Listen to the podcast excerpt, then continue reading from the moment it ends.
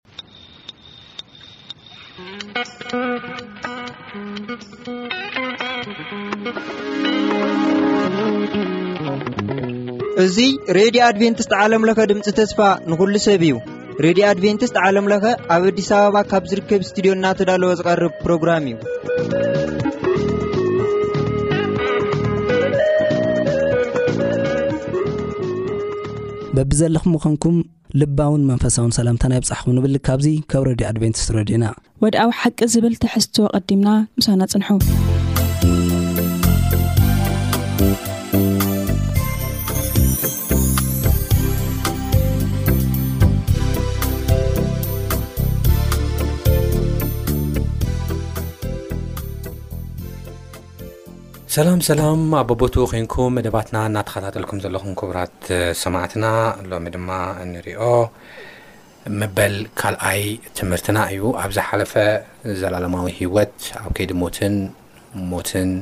ከምኡን ኣብ መፃእ ተስፋን ብዝብል ጀሚርና ነርና ቀዳማይ ትምህርቲ ርኢናይ ነርና ሎሚ ድማ መበል ካልኣይ ትምህርትና ሒዝናልኩም ክንቀርብ ኢና ሎሚ እውን ሓሳብ ክቡና ምሳና ዘለዉ ሓወይ ዳዊት መሓርን ከምኡውን ሓውና ቢንያም ዳኘውን እዮም ምሳና ዘለዉ ኣነ ድማ ምሕታት ምሳኸንኩም ዝፀንሕ ኣማን ፍሳሄ እየ ማለት እዩ ሎሚ ድማ ንሪኦ ኣብ ዛሓጢኣተኛ ዓለም ውሽጢ ዘሎ ሞት ኢና ክንርኢ ማለት እዩ ሞ ቅድሚ ምጅማርና እግዚኣብሄር ኣብ ማእኸልና ተረኺቡ ክምህረናን ክመርሓናን ንሕፅር ዝበለ ፀሎት ክንፅሊ ኢና ቅድሚ ግን ኣብ ሮሜ ምዕራፍ ሓሙሽተ ፍቕዲ ዓሰርተ ክልተ ዘሎ እዩ ከም መእተዊ ጥቕስና ተዋሂብና ዘሎ ከምዚ ድማ ይንበብ ስለዚ ከዓ ከምቲ ብስራሕ ሓደ ሰብኣይ ሓጢኣት ናብ ዓለም ዝኣተወ ብሓጢኣት እውን ሞት ኩላቶም ስለ ዝበደሉ ድማ ሞት ናብ ኩሉ ሰብ ሓለፈ ይብለና ስለዚ ኸኣ ከምቲ ብሰሪ ሓደ ሰብኣይ ሓጢኣት ናብ ዓለም ዝኣተወ፣ ብሓጢኣትውን ሞት፣ ኵላቶም ስለ ዝበደሉ ድማ ሞት ናብ ኵሉ ሰብ ሓለፈ ይብለና ማለት እዩ እሞ ንጸሊ። እግዚኣብሄር ኣምላኽና ስለዚ ግዜን ሰዓትን ነመስግነካ ኣለና፣ ሕጂ ድማ ክቡር ዝኾነ ቃልካ ኣብ ነጽንዐሉ እዋን ንስኻ ምሳና ክትከውን ክትመርሓና ንልምነካ ኣለና። ዝተረፈ ግዜናን ሰዓትናን ንስኻ ባርኮ፣ ብጐይታና መድሓናን የሱስ ክርስቶስ ስም ኣሜን። ሕራይ እምበኣር ደጊመ እንኳዕ ደሓን መጻኹም እናበልኩ ሎሚ ኣብዚ ሓጢኣተኛ ዓለም ውሽጢ ዘሎ ሞት ኢና ክንርኢ እሞ ሞት እንታይ ማለት እዩ ምናልባት ቀሊል ሕቶ ክመስል ይኽእል ግን ሞት እንታይ ማለት እዩ እስኪ ሓደ ንእሽተይ ሰሳላሳ ሰከንድ ክበኩም እሞ እቲ ሓሳብኩም ሪፍሌክት ክትገብሩ ደስ ይብለኒ ብቢኒ ክጅምር ዶ ቢኒ ሓወይ ሞት ማለት እንታይ ማለት እዩ ብኸመይ ኢኻ ትገልፆ መፅሓፍ ቅዱስ ብኸመይ እዩ ገሊፅዎ ዘሎ ሞት ሞት ኣብ ሞት ኣብ ዘለናሉ ግዜ ሕጂ ብብዙሕ መልክዑ እዩ ዝግለጽ ብዝተፈላለየ እምነታት ዝተፈላለየ ዓይነት ነገር እዩ ዝግለጽ ብፍላይ ሕጂ ኣብ ዝተፈላለዩ ናይ ህንዳውያን እምነት ኣብ ንርእየሉ ሞት ሓደ ሰብ ክመውት ከሎስ እታ ናቱ ትንፋስ ወፂኣ ናብ ካልእ ዓይነት ኣካል ከም ትኣቱ ወይ ጠበቕ ክኸውን ይኽእል ብካልእ መልክዕ ወይ ኣንበሳ ከድሙ ክኸውን ይኽእል ዝብሉ ኣለዉ ስለዚ ሞስቲ መሰጋገሪ ናብ ከልእ ትልወጠሉ ናብ ካልእ መሰጋገሪ ፎርም ድልድል ኢኻ ተቐይር ዘለኻ እምበር ኣለኻ ኢኻ እዩ ዓይነት በዚኦም ዲፋይን ዝገብርዎ ዝገብርዎ ኣሎ ምስ ክርስትና እውን ተተሓሒዙ ኣብ ኣብ ናይ ክርስትና ተፈላለዩ ሰብ ክመውት ከሎስ ነብሱ ካብ ስግኡ ካብ ኣካሉ ተነፂላ ትኸይድ ስግኡ ኣብ መሬት ትተርፍ ዓይነት ኣመለኻኽታ እውን ኣሎ ግን ኣብ መፅሓፍ ቅዱስና ንርእየሉ ከምዚ ዓይነት ናይ ሞት ኣገላልፃ የለ ሞት ሰብ ክመውት ከሎ ናብ ክልተ ይኽፈል ዝብል ዓይነት ጥቕሲ ኣይንረኽበሉን ኢና። ብዛዕባ ሞት ከባቢ ኣርባዕተ ሚእትን ስሳን ሽዱሽተን ግዜ ሞት ተጠቐሱ ኣሎ ኣብ መጽሓፍ ቅዱስና ኣብ ናይ ክርስትያን መጽሓፍ ቅዱስ ኮይኑ ግና ኣብዚ ስሳን ሽዱሽተን ቦታታት ወላ ሓደ ሞት ብኸምኡ ዝገለጹ የለን። እኳ ደኣስ ሞት ከም ድቃስ ከም ዝኾነ እና እስካብ እቲ ናይ ፍጻሜ ግዜ ከምዛ ዘለናያ ከም ንጸንሕ ኣብ መሬት እዩ ኣብ መሬት ከም ንጸንሕ እምበር ከምዚ ዓይነት ኣፈላላይ መጽሓፍ ቅዱሳዊ በይዝ የብሉን ሞት እግዚኣብሔር ይባርካ ዴቭ ሞት ማለት ዘይምንባር ወይ ዘይምህላው ማለት እዩ ማለት ከመይሲ እዚ ሞት እዚ በርግጥ መጽሓፍ ቅዱስ ብክልተ መልክዕ ዝኣምጠልና እቲ ሓደ ሞት ግዜያዊ ሞት ንብሎ ኣሎ ማለት ዝኣመነ ሰብ ክርስቶስ ክመፅእ ከሎ ስለ ዝለዓል ሞይቱ ዘይኮነ ዝበሃል ደቂሱ ይበሃል በሃላ መፅሓፍ ቅዱስ ስለ ጎይታ ኢየሱስ ንኣልኣዛር ዝተጠቐመሉ ነገር ኣሎ ደቂሱ እዩ ዘሎ ኢልዎም ከመይሲ ይኣምን ምንባሩ ስለ ዝፈልጥ ከም ዝለዓል ሓደ እዚ እዩ ዝሕጂ ሰብ ዝሞተ ዘሎ ሞት ሓደ ታይ ድቃስ እዩ ጎይ ብክርስቶስ ንዝኣመኑ ጎይታ ክመፅእ ዘሎ ስለዚ ላዕሉ ድቃስ ይበሃል እስካብ ሽዑ ግን ኣብዚ ዘሎ ክርስቶስ እስካብ ዝመፅእ ዘሎ ሰዓት ግን ይሰምዑ እዮም ይናገሩ እዮም ናብ ካሊእ ኣካል ይልወጡ እዮም ይኸዱ እዮም ማለት ግን ኣይኮነን ምንም ነገር ዝሰምዕዎ ነገር የለን ምንም ነገር ዘመስግንዎ የለን ዘምልኽዎ የለን ምንም ዝኸይድ ነገር የለን ከመይሲ ሞት ኢሉ መፅሓፍ ቅዱስ ክዛረብ ከሎ ሞት እኮ ካብ እንታይ መሲልካ ትመፅእ እግዚኣብሔር ኣምላኽ ፈጥሩ ከሎ ሰብ ካብ ሓመድ ፈጢሮ ዶ ካብኡ ፕላስ እስትንፋስ ገይርሉ እስትንፋስን ሓመድን እታ እስትንፋስ ሕጂ ክትወጽእ ተላ ናበይ ሰብታ እዩ ዝኮን ዘሎ ሓመድ ጎይታ ኢልዎ እኮ ንኣዳምን ሂዋንን ዝበሎም እዚ ሓመድ ኢኹም ናብ ምንታይ ትምለሱ ኢኹም እታ እስትንፋስ ከዓ ምንም ናይ ባዕላ እንታይ ሽሙ ነገር የብላ ናይ ባዕላ ኣካል የብላን በቃ ካብ ኣምላኽ ዝመጸት ነራ ናብ ኣምላኽ እስትንፋስ እስትንፋስ ማለት ኣየር ማለት እዩ ኣየር ማለት እዩ እዛ እስትንፋስ ጎይታ ናይ ህይወት እስትንፋስ እፍ ዝበላ እቲ ብጭቃ ዝተሰርሐ ሰውነት ወዲ ሰብ ንክንቀሳቀስ እቲ ውሽጡ ዘሎ ተረዲካ ህይወት ዘለዎ ኮይኑ ክንቀሳቀስ ምበር እሳ እታ እስትንፋስ ተኸይዳ ካሊእ ኣካል የኮነትን እዛ ነፍሲ ዝብልዋ ማለት እዩ ኤንወይ እታ ሞት እንዳ ሞት ግን መጽሓፍ ቅዱስና እንታይ እዩ ተነንብብ ደስ ይብለኒ ዝሞተ ሰብ ግን ከመይ እዩ ኢልካ ጻድዕን በሎ ሓጢኣተኛን በሎ ክልቲኦም ግዜያዊ ሞት ይሞት እዩ ክርስቶስ ካብ ዝመ- አዎ። ክልቲኡ ይሞት እዩ ዝሞት እዚ ዘይምስማዕ ምንም ዘይምንጋር ናብ ካሊእ ኣካል ዝኸዱ የለ ዝልወጡ የለ ናብ ሲኦል ናብ ገነት ዝበሃል ነገር የለን ከመይሲ ፍርዲ ሰዓት ገና ስለ ዝኾነ ግን መክብብ ትሽዓንተ ተዘንብብ ደስ ይብለኒ ከመይ እሱ ስለ ዝገልጾ ፎደ መዝሙር ሓሙሽተ። ትሽዓንተ ሓሙሽተ ከምዚ ይብለና ህያዋንሲ ከም ዝሞቱ ይፈልጡ እዮም ምዉታት ግና ገለ እኳ ኣይፈልጡን መዘከርተኦም ተረስዑ እሞ ድሕሪዚ ከቶ ረብሓ የብሎምን ይብለና ስለዚ ሞት ማለት እዚ እዩ በቃ ትሰምዖ የለ ትዝክሮ የለ ጻድቕ ይኹን ሓጢኣተኛ ይብለካ ኣሎ ክልቲቶ ሞይቱ እዚ ግዜያዊ ሞት እዚ ነገር እዚ ኣብቂዑ ናብ ምንም ዝልወጠሉ ነገር የለ ካሊእ ክውስኸሉ ሃግር መዝሙር ሚእትን ዓሰርተ ሓሙሽተን ተዝውስኹን ደስ ምበለኒ መዝሙር ሚእትን ዓሰርተ ሓሙሽተን ዓሰርተ ሸውዓተን ድማስ ንርኣዮ እንታይ ኢሉ ይገልጸልና ስለ ሞት ባዕሉ ክዛረብ ከሎ ዝሞተ ሰብ እንታይ ይኾን እዩ ሕጂ ኢልና ሓውና ቢናም ፈላስፋታት ካልኣትን ብዙሕ ይብሉ እዮም ናቶም ዝቕየር ናቶም ማል ንክደገሞ ሕዚ መዝሙር እንታይ ኢሉና ግን ንርአ ከመይሲ ብዙሕ ፍልስፍና ስለ ዝኾነ ስለ ዘሎ ማለት እዩ ምውታትን ናብ ስቕ ምባል ዝወረዱ ኩሎምን ንእግዝኣብሄር ኣየመስግንዎን እዮም ኣብ ካሊእ እውን ህዝቅኤል እውን ኬድና ክንርኢ ንኽእል ኢና ኣብ ካሊእ ብዙሕ ጥቕስታት ክንርኢ ንኽእል ኢና ሞት ማለት ግን ዘይምህላው ዘይምንበር ሂወት ዘይምሃር ማለት እዩ ቃ ሓመድ ኢኻ ማለት እዩ ቃ ንሓመድ ኢኻ ኢሉ ወይ ንሓመድ ትምልሳ ስለዚ ንሓመድ ምዃን እዩ ዘሎ መማረፂ እግዚኣብሔር ይባርክካ ስለዚ ብጣዕሚ ደስ ዝብል ሓሳብ ይኹም ሂብኩምና ጎይታ ይባረክኩም ስለዚ ሞት ማለት ዘይምንባር እዩ መጽሓፍ ቅዱስ ውን ዝሃበና ዲፊኒሽን ኣለዋ መክብብ ምዕራፍ 12 ፍቅዲ 7 መሬት ድማ ከምቲ ዝነበሮ ናብ ምድሪ ከይተመልሰ መንፈስ እውን ወይ ድማ ትንፋስ እግዚኣብሄር ማለት እዩ መንፈስ ናብቲ ወሃቢ ኣምላኽ ከይተመልሰ ብመዓልታት ንእስና ክትካ ፈጣሪ ዘከሮ ስለዚ ሓመድ ናብቲ ነበሮ ሓመድ ክመለስ ከሎ እቲ መንፈስ ወይ ድማ ትንፋስ እግዚኣብሄር ናብ እግዚኣብሄር ክመለስ ከሎ ሞት ይበሃል ሞት እዚ እምበር ካልእ ነገር የለን ስግግር ዶ ገለ ዝበሃል ነገር ካልእ እዩ ናይ መጀመርያ ሕቶ ናብ ኣዳምን ናይ ሄዋንን እዩ ሄዋን ተያ ተታሊላ ይብለና መፅሓፍ ቅዱስ ኣዳም ኣይተታለለን ግን ናብቲ ምትላላ ንእቶም ኣብቲ ናይ ሄዋን ቦታ ኮይና ተትርኢ ሓውና ደይቭ ምተታለልካ ዶ ማለት ከመይ ገይራ እያ ኣሚናቶ እቲ ናይ ሰይጣን ሓሳብሲ ናይቲ ናይ ተመን ሓሳብሲ ከመይ ጌራ እያ ኣሚናቶ? ብኸመይ መልክዑ እዩ መእመኒ ነይሩ? ከመይ ዝርእ ኣነ መጽሓፍ ቅዱስ ብዘቐመጦ መሰረት ክንርኢ ከለና ሕጂ እና ሓደ ሓደ ጽሑፋት ትንቢት መንፈስ ክንርኢ ከለና እንታይ እዩ በርግጽ ኣብቲ ሽዑ ግዜ ሄዋን ተፈልያ ነይራ ካብ በዓል ገዛ ካብ ኣዳም ናብቲ ፈተና ማለት ብዛዕባ እዚ ተነጊርዎም ብዛዕባ እቲ መስሕት ዘስሕት ሰይጣን ኩሉ ተነጊርዎም እዩ በርግፅ እግዚኣብሄር ክገብሮ ዝግብኦ ኩሉ ገይሩ እዩ መፅሓፍ ቅዱስ እውን ይብሉ እግዚኣብሄር ንባርያታቱ ክገብሮ ዝግብኦ ክናገሮም ዝግ ከይተናገረ እንታይ እዩ? ዋላ ሓደ ይገብርን እዩ ዓሞስ ሰለስተ ሸውዓተ ኣዎ እና እታ ክብለካ ደለየ መሲልካ ኣብ ናይ ሄዋን ኮይና ክንርኢ ከለና እታ እዩ ሄዋን ሰይጣን ከስሕታ ከሎ ሲኢሉ የኾነ ነስሒትዋ ከምዚ ኢልኩም ከምዚ ንግግር ነይሩ መጀመርታ ታዩ ሓደ ምፍላይ መፅዩ ማለት ካብቲ ዝነበረቶ ኢንቫይሮንመንት ናፍቲ ዲያብሎስ ናፍቲ መስሕት ናብኡ ኣከባቢ ምኻዳ ንክትፍተን ገይርዋ እዩ ሓደ ኣብ ሂወትና ድማ ልክዕ እዚ ምስ ናይ ባዓልና እናተሓዝኩ ነገርካ ኣብ ሂወትና ድማ ንኸዶም ቦታታት ንመርፆም ነገራት ኩሉ ወሰንቲ እዮም ንፈተና ከመይሲ ሕጂ ዳባር ከይድካ ኣነ ይፍተነኒ ኢልካ ዳባር ዳባር ምኻድ ባዕሉ ንፈተና ይቃልዐካ እዩ ይኾነ እንድዩ ካልእ ካልእ ፅቡቅ ዘይኮነ ውዕሎታት ዘለዎ ቦታታት ክትከተልካ እንታይ ትፍተን ኢኻ ሕጂ ናይ ሄዋን ፈተና ከመይ ነይሩ እንድሕር ኢልካ መጀመርታ ዘምፅኦ ነገር እንታይ እዩ ምፍላይ ዝበሃል ነገር መፅዩ ማለት ክትከዶ ዝግበእዋ ነገራት ነይሩ ኣይከደቶን ግን ድማ ሰይጣን ዋላ ኣብኡ ኮይና ድማ ከመይ ፈቲንዋ መሲልካ እንዴ ሄዋን ኢልዋ ንዑ እንዶ እስኪ መጀመርታ በሊዑ እዩ ሪእዋ ተረዲእካ እቲ ፍረ እሱ በሊዕዎ ድሓር በሊዑ እንታይ ኢሉ ዋ እዚ ደኣ ምንም ራእይ ኣነ ኣነ እኮ ኣይሞትኩን እግዚኣብሔር እሞ ትሞት እዮም ኢልክሞ ዶ እዎ ከምዚ ኢልና ከምዚ ትብሉ ኢልና እቲ ቃሉ ከም ዘሎ ኮይኑ ዘፍጥረት ምዕራፍ ፍልጠ 16 17 ምርኣይ ንክእል ኢና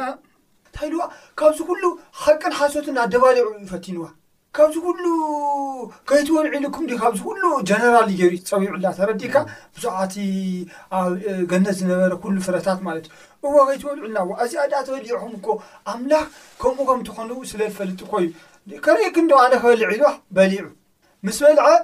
ሔዋን ድማ ኢለና ዓይና ከም ኣምላኽ ክትክፈት ስለ ዝደለየት ሰይጣን ዘላታ ዓይንኹም ከይኽፈት ከም ኣምላኽ ሕማቕን ጽቡቕን ክትርእዩ ስለ ዝደለየ ኢሉ ብዙሕ ነገራት ነጊርዋ ወረ ኣታሊልዋ ደሓር በሊዓ እቲ ውድቀት መጽኡ እቲ ሓጢኣት መጽኡ እና ሰይጣን ሓደ ዘታለላታ እዩ ባዕሉ እቲ ነገራት እሱ ተግባራዊ ብምግባር እውን እዩ ፈቲንዋ እና ኣብዚ ግን ሔዋን ክትወድቕ ተላ ደሓር ብዙሕ ነገራት መጽኡ በርግጽ እንታይ ግን ክብለካ ደለ ሕጂ ቀዳማይ ነገር እቲ ተምር ማለት እዩ ነቲ ዝተኸልከለ ፍረ ማለት እዩ ብደስታ ይናበልዐ ነይሩ ንሄዋን ከርእያ ተሎ ዋእ ሞቱ ኮይቲ ሞቱ እናበለ ብደስታ ናበልዐ እዚ ነገር እዚ ንዓኣ ከታልላ ጀሚሩ ዊች ሚንስ ናብ ናትና ህይወት ነምፃ እዩ ምስ ናይ ህዋን እንተተሓዘ ኣብ ህይወትና ናይ ሰባት ኣተሓሳስባ ካብ ናይ እግዚኣብሔር ኣይበልፅን ተረዲካ ናይ ሰባት ነገራት ኩሉ ካብቲ ምእዛዝ ንኣምላኽ ምእዛዝ ኣይበልፅን እቲ ንኣምላኽ ምእዛዝ እዩ እቲ ዝበለጸ። ስለዚ መንፈሳዊ ነገራት ኩሉ ብናይ ደቂ ሰባት ኣተሓሳስባ ድማ መርሚርና ክንልክዖ ኣይንኽእልን። ሄዋን ሓደ እዚ እዩ ነይሩ ተረዲካ ብስጋዊ በቲ ዘርእየላ ነገር መማረፅታት እቲ ፍረ መልክዑ እውን ፅቡቕ ነይሩ በቃ ብዙሕ ነገራት ዘታሉ ነይሩ ኮይኑ ግን እንታይ ነይሩ እዚ ነገር እዚ ካብቲ ኣምላኽ ዝሃ ካብ መንፈሳዊ ነገራት ንምምርማር ኣተሓሳስባ ወዲ ሰብ ኩሉ ሻዕ ዝሓሸ መገዲ ኣይኮነን እሱ እዩ ኢና ክንጥቀም ዝ እቲ ካልኣይ እንታይ እዩ ግ- ናይ እግዚኣብሔር ቃል ክንርኢ ከለና ትርጉም ዘይብሉ ኣይኮነን ትርጉም ዘለዎ እዩ ኩሉ ሻዕ ድማ ዝእመን ቃል እዩ ነቲ ቃል እሱ ድማ ክትእመን ክትክእል ነይርዋ እዎ ተረዲካ እቲ ሳልሳይ እንታይ እዩ ኣምላኽ ሕማቕን ጽቡቕን ፍረ ኣላ ካብኣ ከይትብልዑ ክብሎም እንተሎ እግዚኣብሔር ኣምላኽ ብጽቡቕ ይኹን ወይ ብሕማቕ ይኹን እግዚኣብሔር ኣምላኽ ንምእዛዝና ይፍትነና እዩ ለምሳሌ ሕጂ ክንር ተለና እግዚኣብሔር ኣምላኽ ንኣብርሃም እንታይ ኢልዎ እዩ ይስቅ ወዳኻ ሰውኣለይ ኢልዎ እዩ ይስቅ ሰውኣለይ ዝበሎ እግዚኣብሔር ኣምላኽ ይስቅ ሓጢኣተኛ ስለ ዝኾነ ተኣምር ካሊእ ስለ ዝኾነ ኣይኮነን ነገር ግን እግዚኣብሔር ኣምላኽ እቲ ናይ ምእዛዝ ባህር ነገር እዩ ስለዚ ሄዋን ነገር እዚ ክትገብር ተላ ንምጥቕላታ እዩ እቶም ኣተሓሳስባኣ ነቲ ስጋዊ ነቲ ሰይጣን ዘቐረበላ ነገራት ኩሉ ብናይ ብናታ ኣተሓሳስባ ስለ ዝመዘነቱ እዩ በቲ ናይ እግዚኣብሔር ትእዛዝ በቲ መንፈሳዊ ኣመለኻኽታ ተተሪኦ ነይራ ግን ዝሓሸ ከም ዘይኮነት ናይ ሰይጣን ዝዓደማ ዓድማት ክትርዳእ ነይራ እና ኣብ ህይወትና ድማ እዚ ዓይነት እዚ እዩ ዘድልየና ክንምርምር ከለና ብመንፈስ እምበር ብዝረእ ነገር ጥራሕ ክንጎይ ከም ዘይብልና እዩ እወ ውሑስ ኣይኮነን እቲ ናትና ራሽናል ምክንያታዊነት ነቕርቦ ኩሉ ግዜ ዲፈንድ ንምግባር ብፍላይ ኣብ መንፈሳዊ ጦርነት ኣብ ዝኾነ ውግእ ክንከውን ከልና እቲ ናትና ራሽናል ወይ ሲት ምክኒት ኩሉ ግዜ ስውሑስ ኣይኮነን የድሕነና እዩ ማለት ኣይኮነን የውደቐና እዩ ምናልባት ሓውና ቢኒ ምዚ ሓውና ደይቭ ዝበሎ ናይ ሄዋን ኣወዳድቓ ንእሽተይ ተወሳኺ ሓሳብ ተሃሊካ ክትበና እሞ ኣብኡ ከዓ ምናልባት ብዛዕባ ፍልጠት ክሓተካ ይደሊ ብ ኣታሒዘ ቢኒ ሓወይ ፍልጠት ሓደ ሓደ ሰባት ኩሉ ቫሊድ እዩ ጽቡቅ እዩ እብሉ እሞ ብርግጽ ፍልጠት ኩሉ ጽቡቅ እዩ ኢልካ ትሓስብ ፍልጠት ሓሶት ክኾን ከሎ ሓደ ሓደ ግዜ ጎዳኢ እዩ ሓሶት ሕጂ ንኣብነት እዚ። እዚኣ እንተበሊዕኺ ኣይትሞትን ኢኺ፣ ሞት ትበሃል ኣይትሞቱን ኢኹም ክብላ ከሎ ሰይጣን ኣብዛ ዘፍጥረት ሰለስተ ፍቕሪ ኣርባዕተ ማለት እዩ እዚኣ ብጣዕሚ ሞት ኣይትሞትን ኢኺ ክብላ ከሎ ሓሶት እዩ ምክንያቱ ሞት ናይ ሓሶት ፍልጠት እዩ ሓቂ ፍልጠት ኣይኮነን ብሓሶት እዩ ሸፊኑ ካልእ ዘባ ዘሎ ማለት እዩ ንባዕሉ ከም ዝኾነሉ እዚ እዚኣ ኣይትሞትን እየ ክትብል ከዓ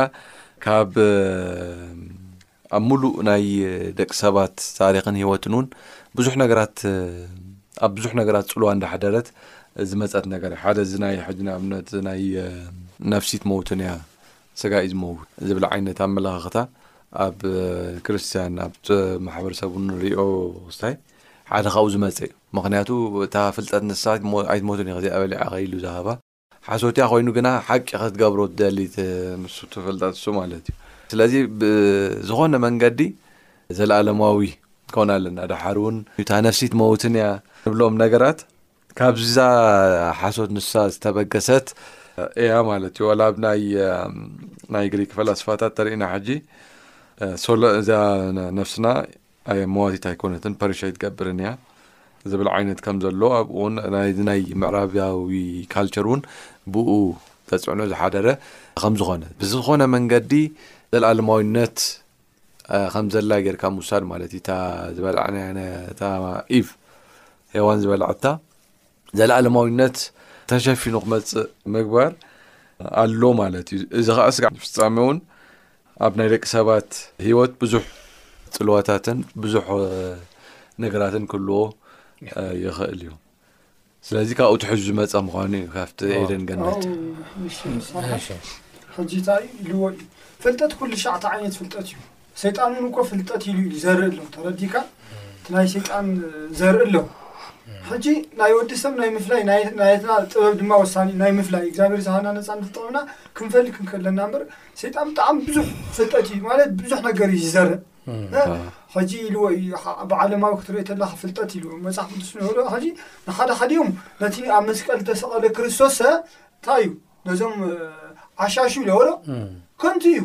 ምክነን እዩ ነዞም ዓሻሹ ከንቱ እዩ ጥበቦም ንዕኦም ካሊእ እዩ እቲ ዝረኣ ኣምላኽ እቲ ሰይጣን እቲ ካሊእ ካሊእ ኣምላኹም ካሊእ እዩ ነዞም ነዞም ኣብ መስቀል ንዝኣምንዎ ግን ጥበቡ ክርስቶስ ይብለና እና እሞ ታክል ደልየ ጥበብ ኩሉ ጥበብ ፅቡቅ እዩ ማለት ይኮነን ሶሪ ኩሉ ፍልጠት ፅቡቅ ማለት ይኮነን ፍልጠት ኩሉ ብመፅሓፍ ቅዱስ ይክምርመር ዘለዎ እምበር ጎዳእት ክኸውን ይኽእል እዩ ኣጥፋእ ክኸውን ይኽእል እዩ እዩ። ሕጂ እወ ኢልዎ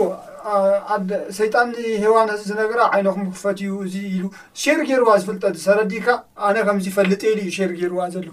እዚ ዝገበራ እዚ ግን ናይ ሞት ሒዝላ መጽዩ እና ኩልሻዕ ፍልጠት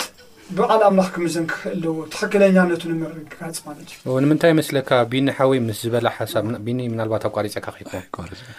ምናልባት ቢኒ ሓወይ ዝበላ ሓንቲ ሓሳብ ኣላ ንሳ ድማ እንታይ ኣመስለካ ዴቪ እዛ ብፍላይ ነፍሲ ሲ ኣይትሞቱን ኢኹም ትብል ቃልሲ ሓጢኣት ሰሪሕኹም ሲ ኣይትሞቱን እዮም ምክንያቱ ኖርማል መፅሓፍ ቅዱስ እንታይ ዝብለና ሓጢኣት ዝሰርሕ ነፍሲ ንሳ ክትሞት እያ ይብለና ነገር ግን ሓጢኣት ሰሪሕኽን እግዚኣብሄር ዋላ ተደይታ ኣዚዝክስ ኣይትሞትን ይኽእዩ ዝብላ ዘለኹ ብካልእ ኣባሃላስ ብተፈጥሮ ልክዕ ከም ኣምላኽ ሲ ኢሞዋቲ ኢኺ እዩ ዝብላ ዘሎ ኢሞዋቲ ኢኺ መፅሓፍ ቅዱስ ግን ኣብ ቀዳማይ ጢሞቴዎስ ምዕራብ 6 ፍቅዲ 16 በይኑ ዘይመውት ኢሉ እዩ ዝጠቕሶ እቲ ኢነይት ኢሞርታሊቲ ዘለዎ እቲ በይኑ ዘይመውት ብተፈጥሮ ኢመዋቲ ዝኾነ እግዚኣብሔር ጥራሕ እዩ ናትና ኢመዋቲነት ኣብ ኮንዲሽንስ ዝተመሰረተ እዩ ኣብ ምእዛዝን ዘይምእዛዝን ብክርስቶስ ኣብ ምእማንን ዘይምእማንን ዝተወሰነ እዩ ኮንዲሽናል ኢሞርታሊቲ ናትና ተረዲኻ ንባህላይ ስለዚ እዛ ብተፈጥሮ ኢመዋቲ ኢኺ ትብል ትምህርቲ ቀላል ትመስል ነገር ግን ካብ ፓጋንስ ሰይጣን ዝቐበሎም ድሓር ናብ ኣረሞናውያን ካብ ኣረሜናውያን ድሓር ናብ ግሪክ ፍላስፋታት ካብ ግሪክ ፍላስፋታት ድማ ኣብ መበል ሳልሳይ ክፍለ ዘመን ናብ ክርስትና ከም ዝኣትው ድና ንርኢ ናብ ክርስትና ኣትያውን ስቂላ ኣይተረፈትን ብኣኣ ብዙሕ ዶክትሪን ፎርም ኮይኑ ብዙሕ ዶክትሪናት ፎርም ኮይኑ እዚ ምስ ሞት ተተሓሓዘ ማለት እዩ ምስ ሞተ ሰብ ናብ ካሊእ ዝኸይ ናብ እንሳይ ዝቕየር ድሓር ኢቨን ናይ ምብዝባዝ ናይ ኢንካም ጀነሬሽን ጀነሬት ገብሩ ንባዕሉ መፅዩ ብዙሕ ኮምፕሊከይትድ ዝኾነ ነገራት ንዘመናት ንሽሓት ዓመታት ሓሊፉ ማለት እዩ እና ሓደ ሓደ ግዜ ፍልጠት ጎዳእ ክኸውን ይኽእል እዩ ኢንጅሪዮስ ሃርምፉል ክኸውን ይኽእል እዩ ዴትሪሜንታል ይብሎ ናይ እንግሊዝኛ ቃል ኣብዚ ናይ ሰንበት ትምህርትና እሞ ጎዳእ እውን ክኸውን ይኽእል እሞ ቬሪፋይ ጌርና ኣፃሪና ምፍላጥ ኣገዳሲ እዩ ክኸውን ማለት ሕጂ እዚ ክር ሓደ ሓደ ግዜ ቀደም ቆልዑት ከልና እዚ ናይ ኦሾ መፅሓፍ ገለመለታት የንብቡ ነይሮም ሰብ ግን ሰሌክትዝ ካብ ዘይምዃን ኣእምሮኻ ትናወጽ፣ ትባላሾ፣ ብዙሕ ትጉዳእ ማለት እዩ። እና ሓደ ሓደ ግዜ ምዕቃብ ካብዚ ዝል ነገር ምርሓቅ ንባዕሉ ጽቡቅ እዩ ዝብል ትምህርቲ ኢና ክንሕልፍ ንደሊ ማለት እዩ። ናብቲ ዝቕጽል ሕቶይ ክሓልፍ ናብቲ ናይ ረቡዕ ሕቶይ ክሓልፍ እምበኣር ኩሉ እናተጠቕሰ እዩ ዘሎ። ረቡዕ ሕቶይ ሳዕቤን ናይዚ ሓጢኣት እንታይ እዩ ነይሩ እምበኣር? ከምዚ ገይሩ ሳሒትዋ፣ ኣታሊልዋ፣ ተታሊላ ንሳውን ንኣዳም ሂባቶ። ቅድም ኢልና ኣብታ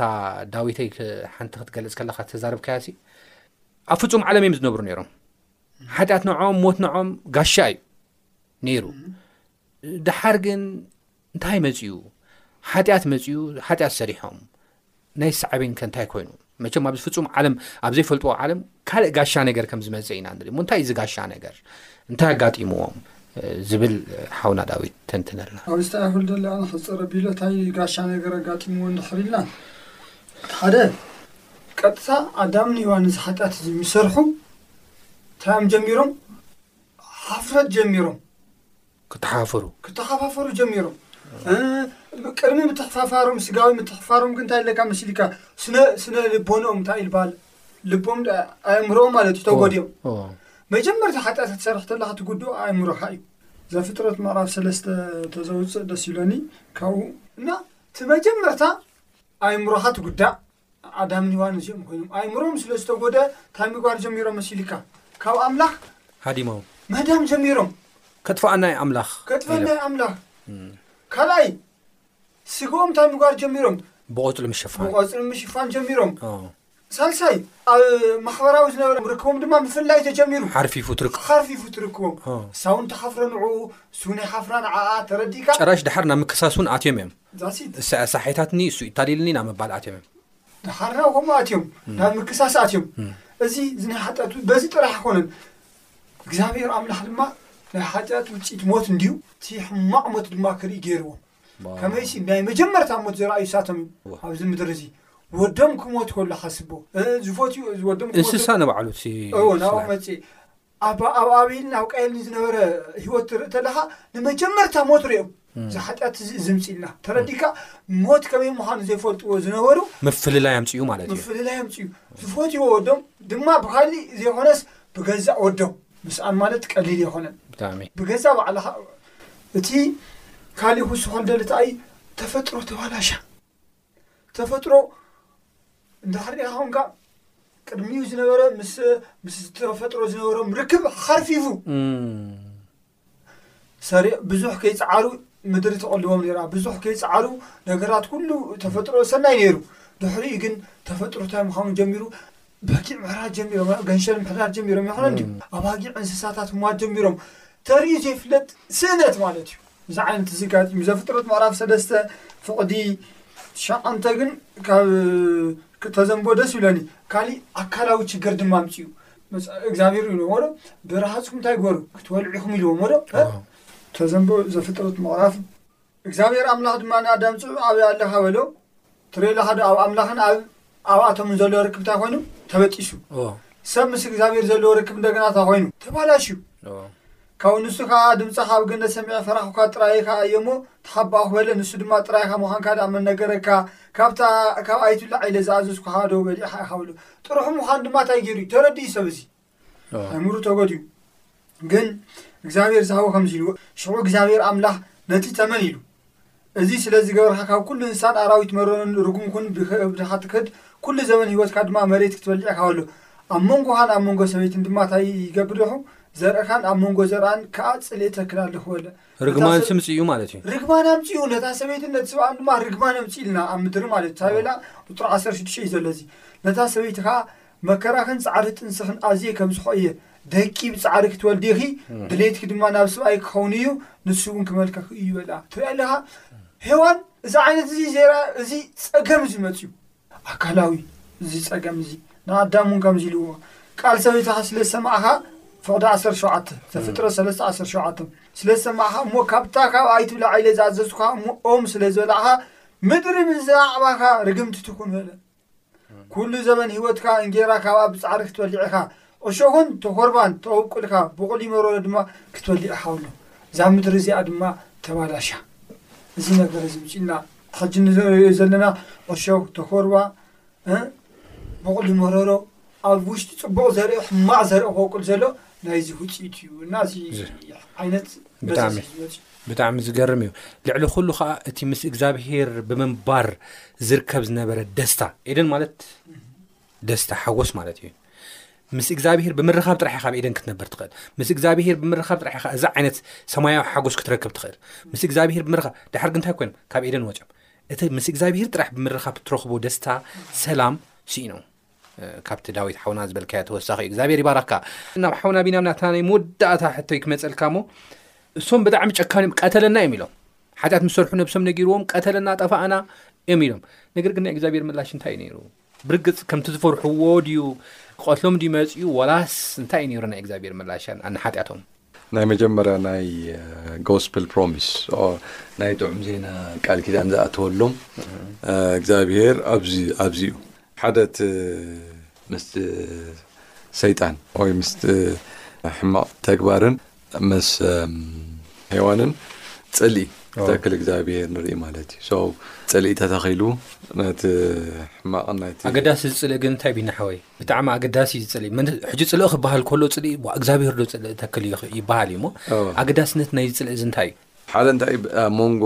ሰይጣንን ሄዋንን ኣብ መንጎ እቲ ተመንን እንድዩ እቲ ፅልኢ ኣብቲ ናትካ ዘርእን ኣብና እታ ዘርእን እዩ ድሓር እቲ ኢቭልን እቲ ጉድን እውን እዩ እቲ ፅቡቕን ኣብ ፅቡቕን ኣብ ሕማቕን እዩ እቲ ፅልኢ ተተኺሉ ማለት እዩ ስለዚ ፅልኢ ተተኺሉ ማለት እዚኦም ክልቲኦም ነገራት ኣይሳንዩን እዮም ሓድሽ ክኾኑ ኣይሳንዩን እዮም ሓደ ኣይኮኑን ክኾኑ ኣይክእሉን እዮም Thank you። እ፣ ዝብል ኢና ንርኢ ዘለና ማለት እዩ ፅልኢ ተለውን ኣብ ሓደ ካብ ከ- ገና ካብ ናይ ካልኣይ ስሕተት እውን ንድሕን ኣለና ማለት እዩ ዳሕራይ እቲ ናይ ብክርስቶስ ንሱ እውን ከም ዘድሕነና ንዓና ኦ፣ ናይ መጀመርያ ሳክሪፋይስ ወይ ናይ መጀመርያ መስዋእቲ ብቲ ናይ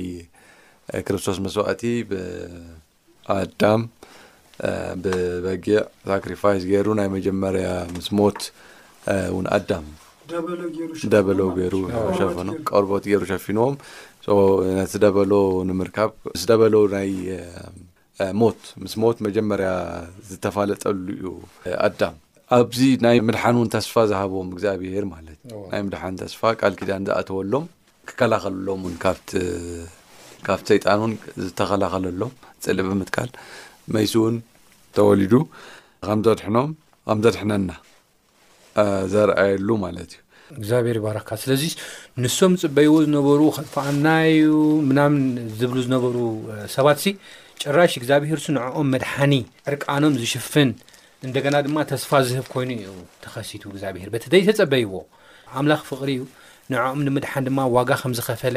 ዋጋ ድማ ኸም ዚኸፍል እዩ ኣርእይዎም። ብፍቕሪ እዩ ሓብሒብዎም እሞ ምናልባት ወለዲ እውን ሓደ ሓደ ግዜ ናይ እግዚኣብሔር ፍቕሪ ሬፍሌክት ንገብር ኢና ከም ቤተሰብ ወድና ክጋገ ከሎ ብኸመይ ኢና ሪኣክት ንገብር ኣታ ኢልካ ዲኻ ተሰንብዶ ንባዕሉ ሰንቢዱ ዘሎ ሓጢኣት ንምስርሑ ጌጋ ብምስርሑ ሰንቢዱ ዘሎ ቆልዓ ክትብሎ ከለኻ መልሹ እዩ ዝብህረር ናይ እግዚኣብሄር ኣቀራርባ ግን ከም ደቁ በሊዕኹም ከምዛ ዝፈራሕኹዋ ኣይበለን መፅኡ ሓቂፎም መፅ ተንከባኺብዎም ክብለከ ናበ ዩ ከድኩም በ ዲፋይን ክገብሩ ማለት እሱ ኮጠፊዎ ኣይኮነ ነገር ግን ብቃሎም ክዛረብዎ ከሎ ዲፋይን ክገብሮ ከሎ ክቅርቦም ስለ ዝደለ እዩ ኣለማሚድዎም እዩ እሞ ናይ እግዚኣብሔር ፍቕሪ ኣዝዩ ወሰን ዘይብሉ እዩ ማለት እዩ እሞ ክቡራ ሰማዕትና ኣብ ናይ ሎሚ ትምህርትና ብዙሕ ኢና ርኢና ናይ ሰብ ውድቀት ርኢና ብኸመይ ከም ዝወደቑ ርኢና እሞ ካብዚ ውድቀት ተማሂርና ው ንሕና ክንምሃር ካብ ሓጢኣት ክንድሕን ይግባኣና እናበልኩ ኣብ ዝቐፅል ብካልእ ክሳብ ንራኸብ ሰላም ኩኑ እናበልኩ